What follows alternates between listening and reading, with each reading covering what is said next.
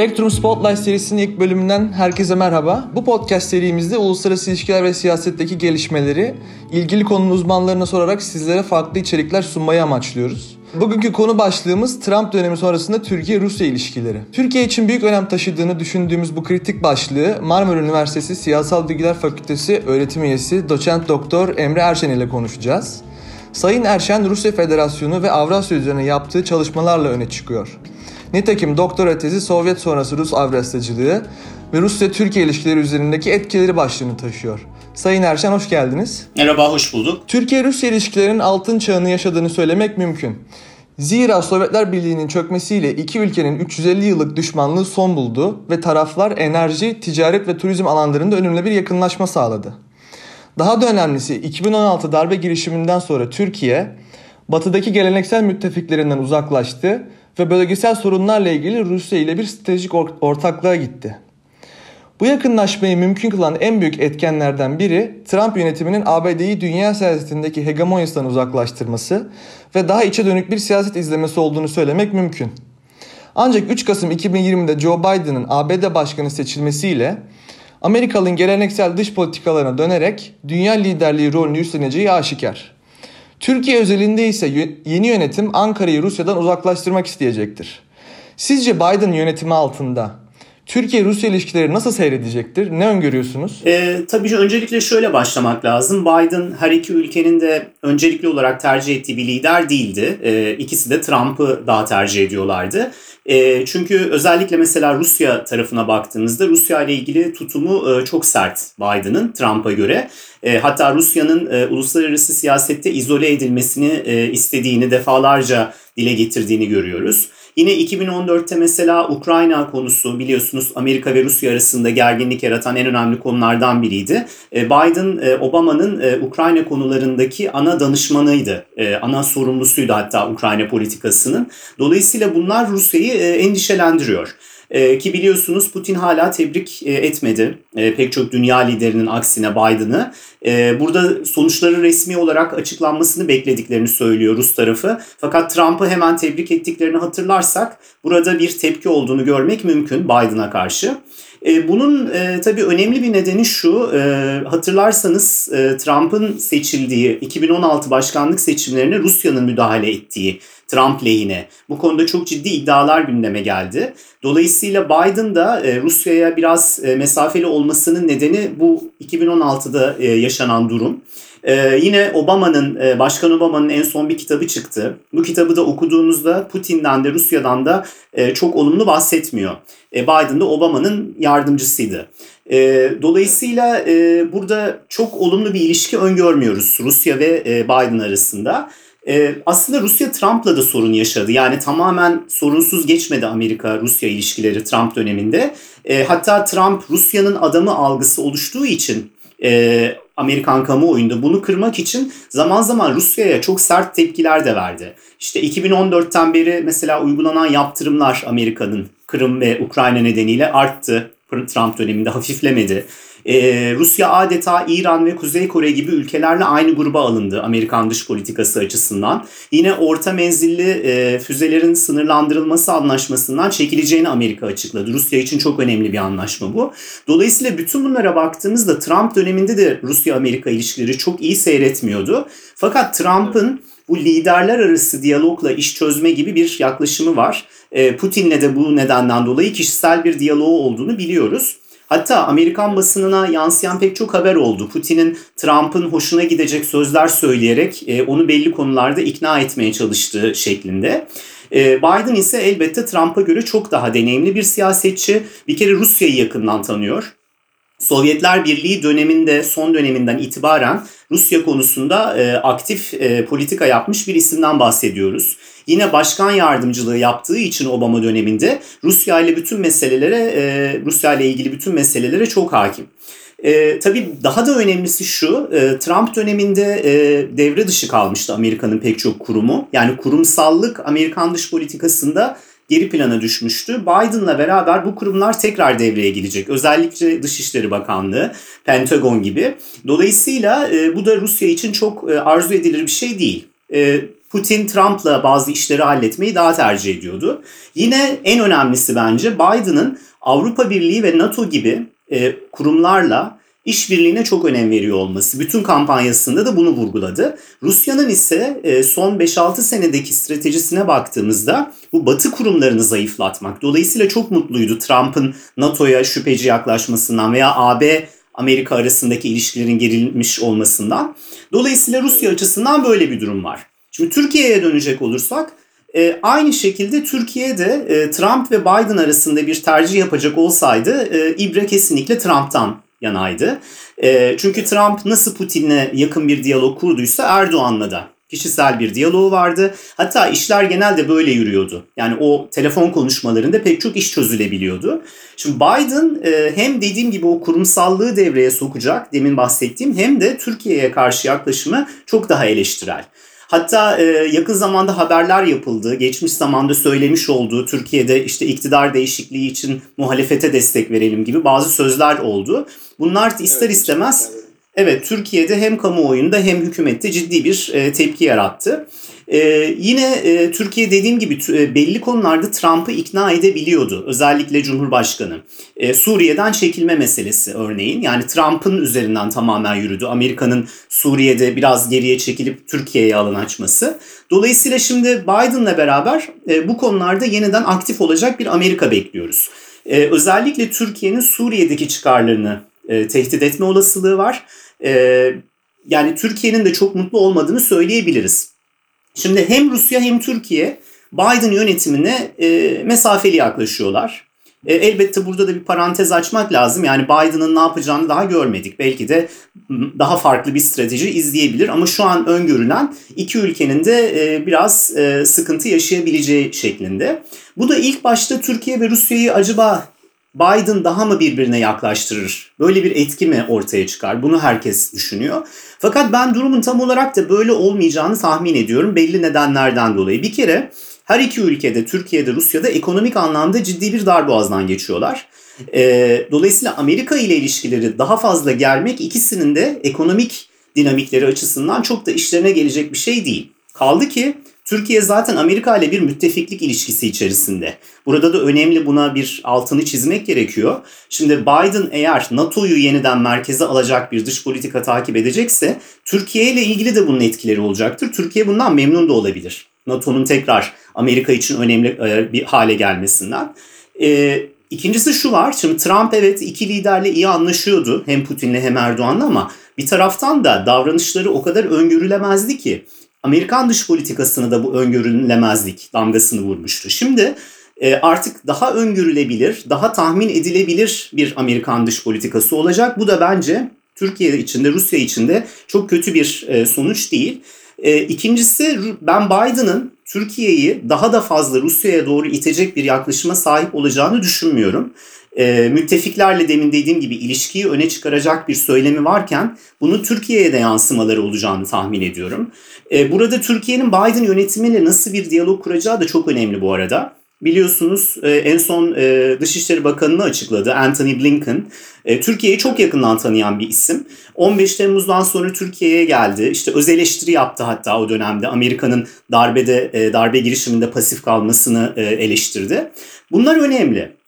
Fakat burada e, bence önemli bir dipnot e, Suriye ve YPG. Yani Türkiye-Amerika ilişkilerinin kopma noktası Obama döneminde buradan başlamıştı. Amerika ve YPG arasındaki e, ilişkiler nedeniyle. E, zaten Rusya da bu gerginliği çok iyi kullanarak Türkiye'yi Suriye konusunda yanına çekmeyi başardı. Yani Amerika'nın açtığı alanı Rusya değerlendirdi. E, bir de e, şunu söylemek lazım belki Rusya-Amerika ilişkileri daha küresel bir boyuta sahip. Türkiye-Amerika ilişkilerinde bu küresel boyutu biz görmüyoruz. Mesela Rusya-Amerika arasında nükleer silahsızlanma konusu var. Türkiye buraya dahil değil. START anlaşması çok önemli bir e, nükleer e, silahlardan arınma anlaşmasıdır. Bu e, yakın zamanda süresi doluyor ve bunun uzatılmasını hem Biden hem Putin tercih ediyorlar. Mesela burada e, Rusya ve Amerika arasında farklı bir diyalog olacaktır.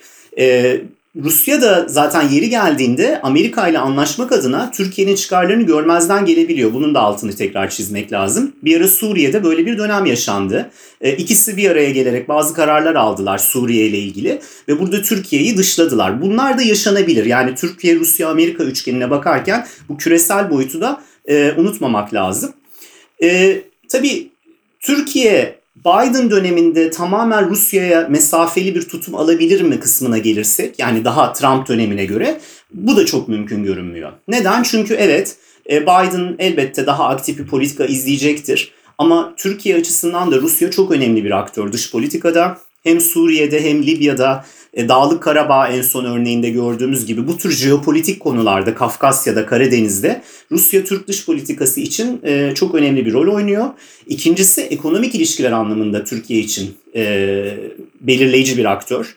Enerji konusu, Türkiye'nin enerjisinin önemli bir bölümünün Rusya'dan sağlanması, Türk akım hattı, yani bunun tamamlanması e, çok stratejik bir anlaşma. Yani çok stratejik bir projeden bahsediyoruz. Yine mesela Akkuyu nükleer santrali. Bunlar uzun vadeli çok devasa yatırımlar. Dolayısıyla Türkiye'de Rusya'da birbirleriyle ilişkilerini belli bir düzeyde sürdürmek zorundalar. İkincisi ve bence daha önemlisi Rusya Türk dış politikası için her zaman önemli bir denge unsuru. Bu Biden döneminde de devam edecek. Trump döneminde de Türkiye bunu çok sık kullandı. Dolayısıyla Biden yönetimine mesaj verebilmek için İkisi de bu özel ilişkiyi kullanmayı tercih edeceklerdir. Ama e, dediğim gibi Türkiye açısından bu dengenin nasıl sağlanacağı e, önemini koruyacak Biden döneminde Rusya ve Amerika arasında. Bu şekilde özetlemek mümkün. Peki teşekkür ederim. Şimdi e, S-400 konusuna değinmek istiyorum. Görüyoruz ki ABD, Rusya, Türkiye üçgenini ilgilendiren en önemli konu başlıklarından bir tanesi S-400 savunma sistemleri. Ee, ama bugüne kadar hem Cumhurbaşkanı Erdoğan'ın hem de Dışişleri Bakanlığı'nın hem de Savunma Bakanlığı'nın açıklamaları oldu ve Türkiye S-400'lerden geri adım atmayacak. Bu anlaşma tamamlanmıştır açıklamaları yapıldı. Başkan Trump da bu katsa yaptırımları adını verdiğimiz yaptırımları imzalamadı ve hep erteleme e, eğilimi içerisindeydi. Ancak şimdi e, Biden yönetiminin göreve gelmesiyle birlikte ABD'nin Türkiye'ye bu konuda daha çok baskı yapması ve e, bu yaptırımlar uygulaya konması bekleniyor.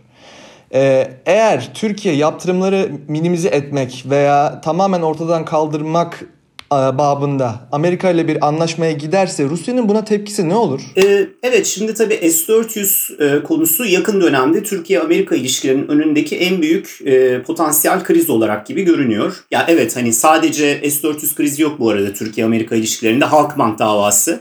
E, Gülen'in iadesi Fethullah Gülen'in bütün bu konular zaten Türk-Amerikan ilişkilerinin gündeminde kalacak ama S-400 meselesi e, kriz yaratmaya en e, yakın e, konu.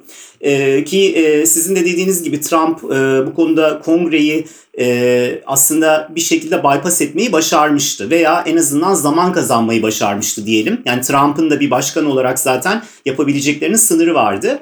E, nitekim Trump görevde kalsaydı dahi bu konunun tekrar tekrar gündeme geleceğini biliyor olmamız lazım. Yani Trump da artık Türkiye'yi S-400 konusunda e, çok fazla e, yapabileceği bir şey kalmadığının altını çizmek lazım. Biden ise bu konudaki görüşü zaten biliniyor. Yani hem S-400 konusunda çok daha sert tepki verilmesini düşünüyor Türkiye'ye hem de yaptırımlara daha açık bir e, karşımızda siyasetçi var. Ee, şimdi burada Amerika'nın beklentisi Türkiye'nin bu sistemleri aktive etmemesiydi biliyorsunuz. Yani Türkiye ilk başta satın almasına bile karşı çıktılar. Daha sonradan bu füzeler e, Türkiye'ye geldiğinde e, tamam o zaman bunlar aktive edilmesin dendi. E, fakat geçtiğimiz aylarda biliyorsunuz Türkiye Sinop'ta testlerini yaptı S-400 sisteminin. Dolayısıyla aslında sistem aktive olmuş durumda testler yapıldığına göre. E, bunun sadece resmi olarak deklarasyonu yapılmış değil. Orada önemli bir fark olduğunu da e, belirtmek lazım. Şimdi diğer taraftan Türkiye e, bu sistemleri için Rusya'ya 2,5 milyar dolardan fazla bir ödeme yapmak durumunda. Bunun bir kısmını yaptı, bir kısmını krediyle aldı. Dolayısıyla bunları hiçbir şekilde kullanmama kararının da çok ciddi bir iç siyasi boyutu da var. Yani bu kadar ciddi bir para ödenmiş bir sisteme eğer Türkiye e, hiç paketinden çıkarmayacaksa bunun e, belli e, siyasi boyutları da var. Dolayısıyla ben Türkiye'nin eninde sonunda bunları bir şekilde kullanacağını düşünüyorum. Ama bu da Amerika yaptırımlarına neden olacak gibi görünüyor. Yani şu anda bu krizden nasıl kaçınılabiliriz? Bu konuda çok fazla bir alanımız olduğunu düşünmüyorum. Fakat burada belki Biden yönetimi aşama aşama bu yaptırımları harekete geçirmeyi tercih edebilir. Çünkü demin de dediğim gibi Türkiye'yi tamamen Rusya'ya itmek e, Amerika dış politikası açısından çok e, mantıklı bir şey değil. Yine Orta Doğu'da pek çok e, önemli alanda, kriz alanında Türkiye çok önde gelen bir aktör. Amerika için de bu bence önemli olacaktır. Şimdi demokratların bir önceki lideri mesela Obama'ya baktığımızda da orada başka bir sorun vardı. Seçim kampanyasında Ermeni soykırımının tanınmasını mesela o da e, çok savundu. Fakat e, iktidara geldikten sonra bu konuda daha farklı bir politika izledi. Benzer bir durum Biden içinde söz konusu olabilir. Kaldı ki yaptırımların farklı aşamaları var. Yani bu ilk aşamadaki yaptırımlar Türkiye'yi çok ciddi olarak etkilemeyebilir. E, ilk ilk safhada sadece belli yaptırımlardan belli e, birkaçını seçebilirler. Bu da yaptırımların en azından bir süre daha Türkiye-Amerika gündeminde çok ciddi bir kriz yaratmamasını belki sağlayabilir. E, fakat demin de dediğim gibi Türkiye-Amerika ilişkilerinde yeni bir krize hazırlıklı olmamız lazım. Neden? E, çünkü kongrenin bu yıl bitmeden e, bu yasayı geçireceği tahmin ediliyor. 2021 Ulusal Savunma Yetkilendirme Yasası. E, burada da Türkiye'ye yaptırım uygulanması e, gündemde. E, şimdi Trump e, ocağın sonuna kadar aslında başkanlığını sürdürüyor 22 Ocağı kadar. E, fakat yine de veto etmesi söz konusu olmayabilirdi. Çünkü kongrenin iki kanadında da eğer bu yasa çoğunlukla geçerse ki öyle düşünülüyor. E, başkanın zaten çok e, orada yetkisi yoktu. O yüzden Trump da acaba farklı bir yol izleyebilir miydi dedim e, seçilmiş olsaydı. E, işte bu CATSA adını verdiğimiz Amerika'nın hasımlarına yaptırımlar yoluyla karşı koyma yasası. Uzun ismi bu. E, bu düzenlemede bu yetkilendirme yasasının içerisinde yer alıyor. E, ve bunun içerisinde 12 tane yaptırım var. Ama başkanın 5 tanesini en az bunu seçerek uygulamasını bekliyorlar. İşte Biden bunlardan hangilerini seçecek? Bunların bir kısmı daha hafif, bir kısmı çok daha ciddi Türk ekonomisine darbe vuracak cinsten. Burada önemli olan e, ben dediğim gibi ilk aşamada en azından bu yasa geçse dahi Biden'ın daha e, yumuşak olanlarıyla başlayıp daha sonradan bunun artmasını söz konusu olacağını düşünüyorum. Şimdi demin de söylediğim şey bu Türkiye'nin S-400'leri tamamen rafa kaldırması meselesi. Bu çok gerçekçi bir şey değil. E, NATO'ya entegre etmeden kullanma konusunda bir ısrar var Türkiye'nin. Tabii bu mümkün mü? Teknik olarak başka bir konu. Yani burada bu işin uzmanlarına sorduğunuzda bunun NATO'ya entegre edilmeden kullanılmasının da çok mümkün olmayacağını söylüyorlar ama o başka bir mesele. Fakat diyelim ki Türkiye e, evet böyle bir karar aldı. S-400'leri tamamen kaldırdı, bir depoya koydu. Bu aşamada Rusya için bu çok da büyük bir dert oluşturmayacaktır. Burada kamuoyunda da yanlış bir algı var. Hani sanki Rusya için bu çok önemliymiş gibi. Rus Büyükelçisi'nin bizzat böyle bir demeci var. Türkiye istediğini yapabilir. Biz S-400'leri zaten sattık Türkiye'ye. Bundan sonrası onun kararıdır diye. Şimdi orada çok realist bir şey söylüyor. Birincisi Rusya zaten e, çok ciddi bir ekonomik kazanç sağladı. 2,5 milyar dolar kazandı bu anlaşma sayesinde. E, ikincisi bu sayede S-400'lerin dünyada muazzam bir reklamını yaptı. Yani Türkiye bu füzeleri almadan önce S-400'ler daha sınırlı tanınıyordu dünyada. Fakat bir anda e, uluslararası gündemin e, ön sırasına çıktı. E, bu sayede Rusya pek çok ülkeye S-400 satmaya başladı. Türkiye gibi NATO üyesi bir ülke eğer S-400 alıyorsa dediler biz bunu çok daha e, rahat yaparız deyip pek çok Orta Doğu'da özellikle ülke şu anda Rusya ile pazarlık yapıyorlar. Bu Rusya için bence zaten oldukça önemli bir kazanç. Üçüncüsü ve daha önemlisi NATO'nun içerisinde bir çatlak yaratmayı başardı Rusya S-400 meselesi sayesinde. Yani NATO'nun önemli bir müttefikini S-400 satma suretiyle e, Amerika ve diğer Batı ülkeleriyle arasında kriz çıkmasını sağladı. Bu Rusya için yine muazzam bir kazanç. E, şimdi Türkiye eğer bunları aktive etmezse belki bu üçüncü hedefte sadece biraz gerileme olur Rusya açısından. Yani NATO'nun tekrar e, birleşmesi, Türkiye'nin NATO'ya yaklaşması Rusya için tabii çok arzu edilir bir şey değil. Ama bu dediğim gibi Rusya'yı birebir olarak çok ilgilendirmiyor. E, ikincisi zaten Rusya'nın NATO içinde gedik açma e, opsiyonu var başka şekillerde. İlla bunu Türkiye üzerinden yapması gerekmiyor. Pek çok konuda e, isterse NATO arasında gerginlik yaratabilecek meseleler var. Almanya ile yaptığı Kuzey Yakın 2 mesela e, boru hattı. Zaten önemli bir ayrılık noktası Amerika ve Almanya arasında.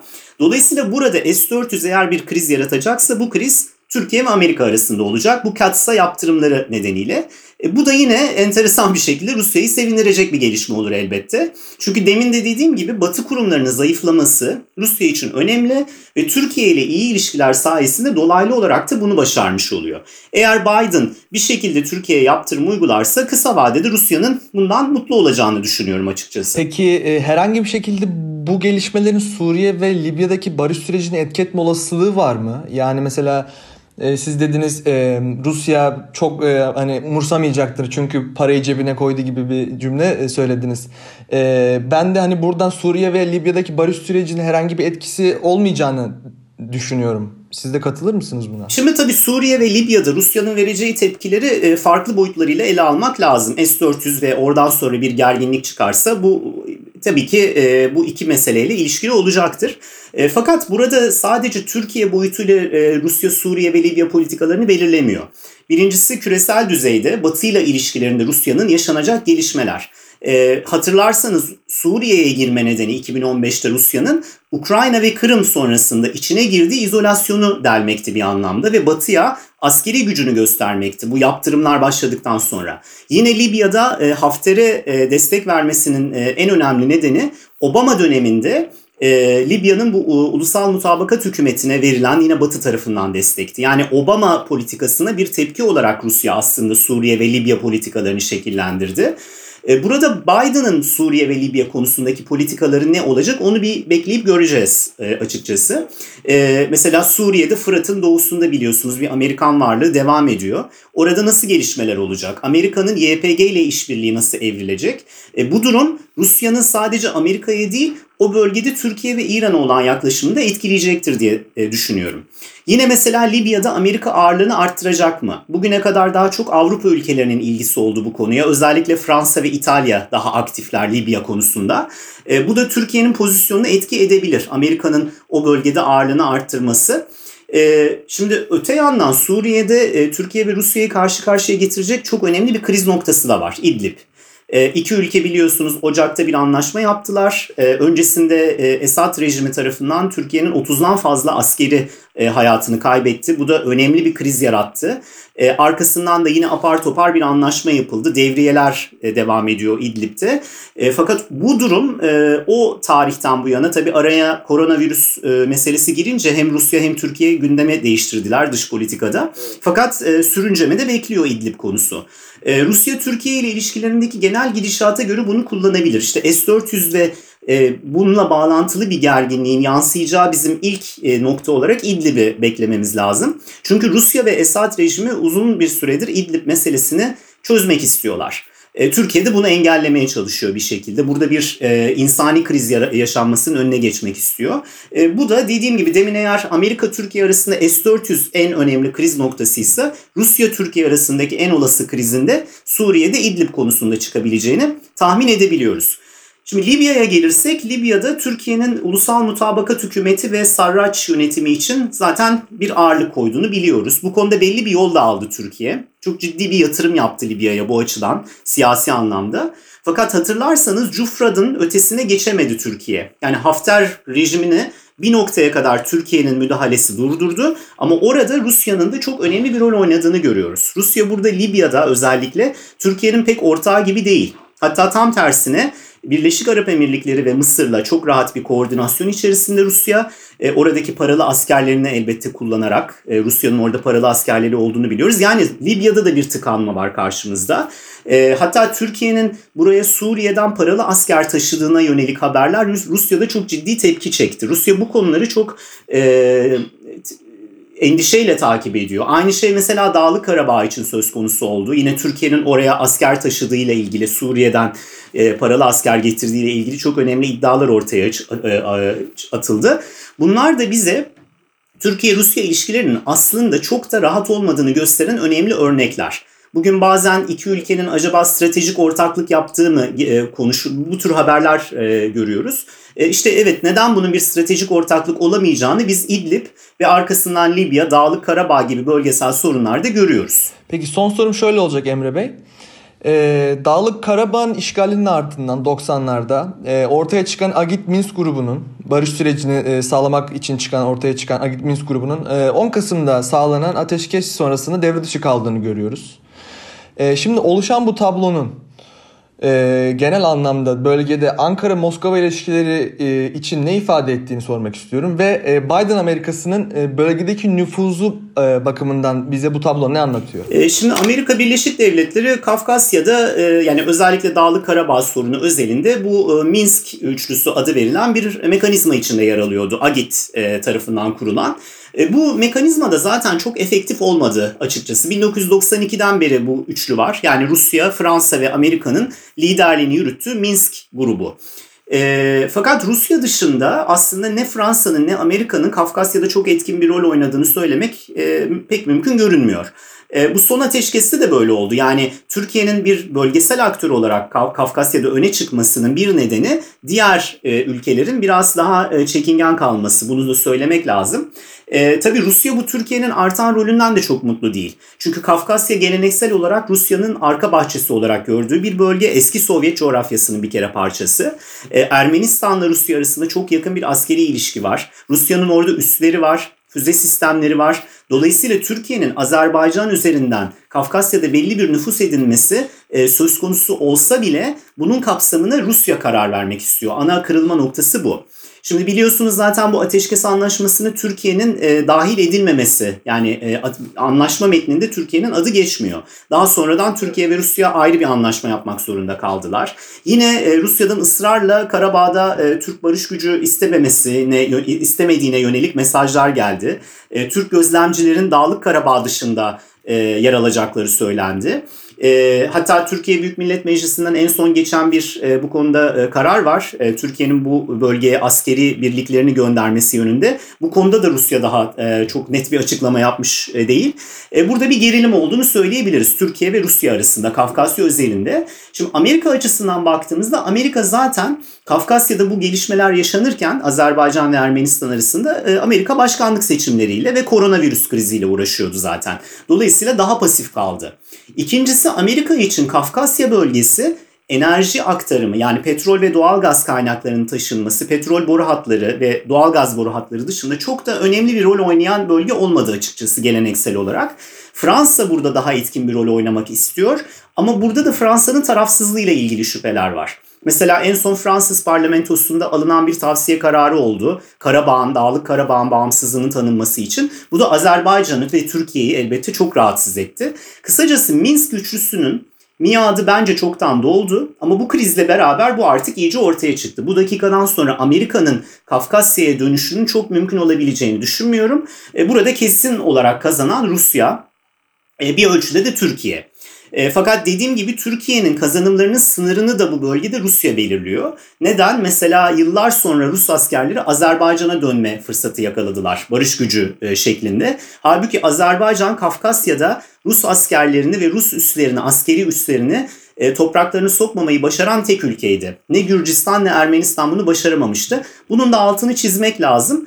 Amerika bu noktadan sonra açıkçası bu denklemde çok da büyük bir değişim yaratabilir durumda görünmüyor. Bunu çok isteyeceğini de düşünmüyorum. Rusya'nın arka bahçesi olarak gördüğü için o bölgeyi. Evet e, bugün e, post-Trump döneminde Rusya-Türkiye ilişkilerini konuştuk Emre Erşen'le. E, hocam çok teşekkür ederim. Ben teşekkür ee, ediyorum. Değerli dinleyiciler Spectrum Spotlight'ın bir başka bölümünde görüşmek dileğiyle. Hoşçakalın.